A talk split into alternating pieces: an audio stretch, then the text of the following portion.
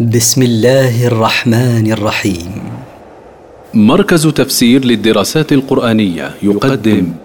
المختصر في تفسير القرآن الكريم صوتيا. برعاية أوقاف نوره الملاحي. سورة الكافرون. مكية. من مقاصد السورة. البراءة من الكفر وأهله. التفسير. قل يا أيها الكافرون. قل أيها الرسول يا أيها الكافرون بالله.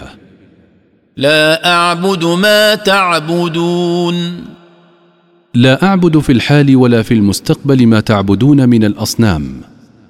ولا أنتم عابدون ما أعبد. ولا أنتم عابدون ما أعبده أنا وهو الله وحده. ولا أنا عابد ما عبدتم. ولا أنا عابد ما عبدتم من الاصنام. ولا أنتم عابدون ما اعبد. ولا أنتم عابدون ما اعبده أنا وهو الله وحده.